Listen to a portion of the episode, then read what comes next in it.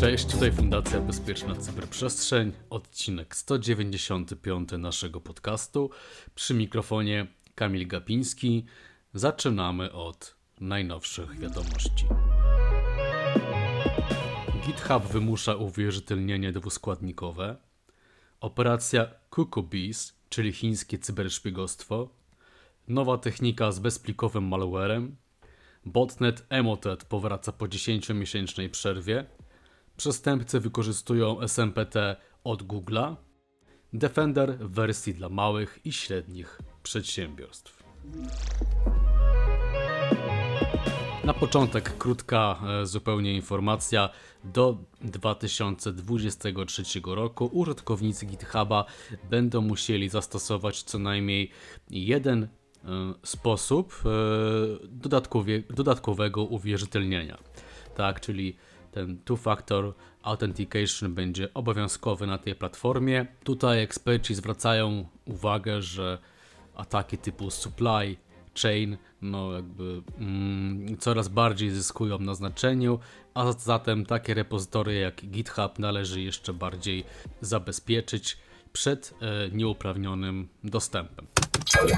Kolejny news, operacja Kukubis, czyli chińskie cyberszpiegostwo. Mm, wyrafinowana kampania cyberszpiegowska zaaranżowana przez wspieraną przez właśnie Chiny e, grupę Vinti zdołała umykać, chować się można tak powiedzieć, przed radarem analityków od co najmniej 2019 roku. E, mówimy tu o masowej e, operacji kradzieży własności intelektualnej, nazwanej przez e, izraelską firmę Cyber Reason operacją Kukubis.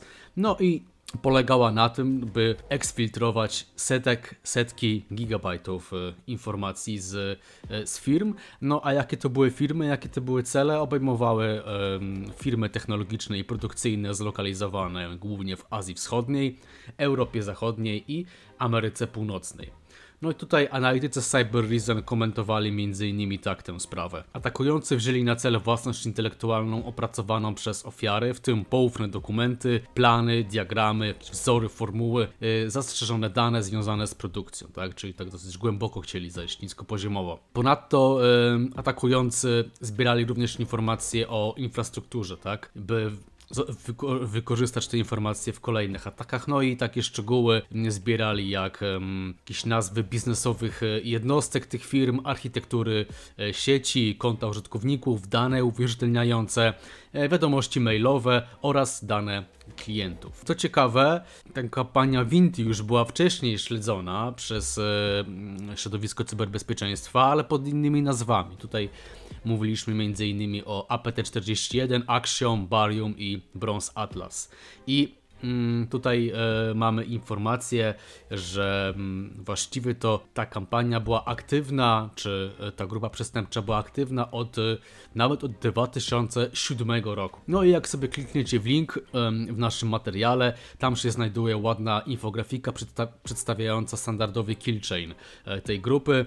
Mm, żeby wymienić mniej więcej, no to stosowane techniki i taktyki to m.in. klasyczny lateral movement, wstrzykiwanie złośliwego kodu powłoki, zaawansowane discovery, infrastruktury czy kompromitacja kredensiali.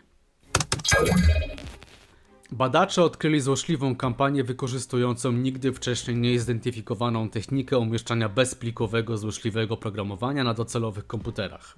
Technika polega na wstrzyknięciu kodu powłoki bezpośrednio do dziennika systemu Windows, tak? czyli wykorzystane są logi. Przestępcy mogą e, właśnie wykorzystywać logi systemu Windows jako e, przykrywkę dla, dla malware'a, dla trojanów na już późniejszym e, etapie operacji. Naukowcy odkryli właśnie e, tę kampanię jeszcze w lutym i jest taka opinia, że ci niezidentyfikowani jeszcze adwersarze byli aktywni przez ostatnie miesiące. Więcej szczegółowych technicznych informacji znajdziecie w naszym linku. Botnet Emotet powraca po 10-miesięcznej przerwie. Według nowych badań, nowe podejście do rozpowszechniania Emoteta obejmuje jeszcze bardziej ukierunkowane ataki phishingowe, zupełnie inne niż poprzednie kampanie. Emotet, niegdyś nazywany najniebezpieczniejszym złośliwym oprogramowaniem na świecie. Znamy um, tutaj skalę ataków, wielokrotnie tutaj uprzykrzał um, życie cyber, um, no, cyberobrońcom. No, yy, jest obecnie wykorzystywane w najnowszej kampanii dostarczania oprogramowania ransomware. Odpowiedzialni za dystrybucję tego e, malware od lat e, znajdują się rzeczywiście na celowniku organów ścigania. Warto przypomnieć, że w styczniu zeszłego roku e, zarówno władze Kanady, Francji, Niemiec, Litwy, Holandii współpracowały, aby w ramach operacji Lady Bird usunąć sieć setek serwerów botnetowych obsługujących Emotet. No ale teraz on właśnie wrócił i wrócił właśnie w kontekście nowych e, kampanii dystrybuujących ransomware. Przestępcy wykorzystują SMPT firmy Google. O co chodzi? Ataki phishingowe wykorzystują usługę przekaźnika SMPT firmy Google, tak, używaną m.in. w Gmailu, aby ominąć produkty e, zabezpieczające poczty e-mail i skutecznie dostarczać phishing docelowym użytkownikom. Według firmy Avanan od kwietnia 2022 roku nastąpił nagły, nagły wzrost liczby cyberprzestępców nadużywających tak, tę, e, tę funkcję, tę usługę SMPT od Google'a właśnie. E, Nowe kampanie phishingowe wykorzystują serwer e, SMPT Relay Gmail.com, który jest zaufanym serwerem i dlatego jest umieszczany na listach dozwolonych przez bramy poczty e-mail i usługi mm, filtrowania spamu, między innymi. Ta cała ta sprawa dotyczy odpowiedniej konfiguracji polityki DMARC, czyli Domain Based Message Authentication, Reporting and e, Conformance. Jest to protokół uwierzytelniania poczty e-mail, który pozwala danym domenom określić, co powinno się stać, jeśli wiadomość e-mail podszywa się pod ich e, domenę właśnie. A cała ta kampania, te ataki działają tylko wtedy, gdy atakowany y, ustawił swoją polity- politykę DMARC na wartość non, co się często zdarza nawet wśród największych y, y, tutaj graczy z powodów praktycznych, biznesowych i tak dalej. Dotychczas firma wykryła co najmniej 30 tysięcy e-maili w pierwszych dwóch tygodniach kwietnia dystrybuowanych tą metodą. Defender w wersji dla małych i średnich przedsiębiorstw. Nowość technologiczna. Microsoft wydał e, taką wersję standalone Defender for Business dla małych i średnich e, firm, mm, tak zwanych MŚP czy SMB.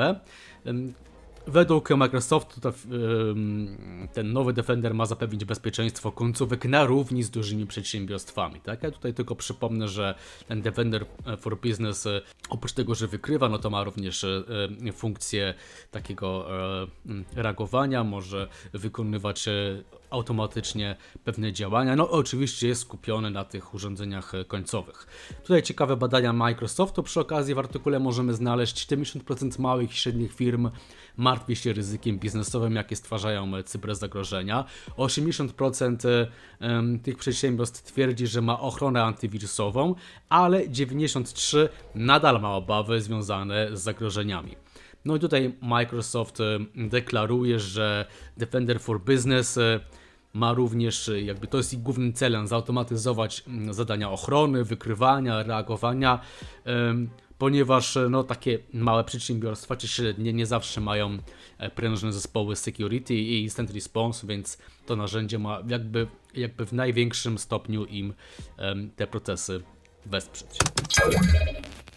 No to już był ostatni merytoryczny e, news w, w tej edycji podcastu. To był Kamil Gapiński, Fundacja Bezpieczna Cyberprzestrzeń, 5 maja 2022.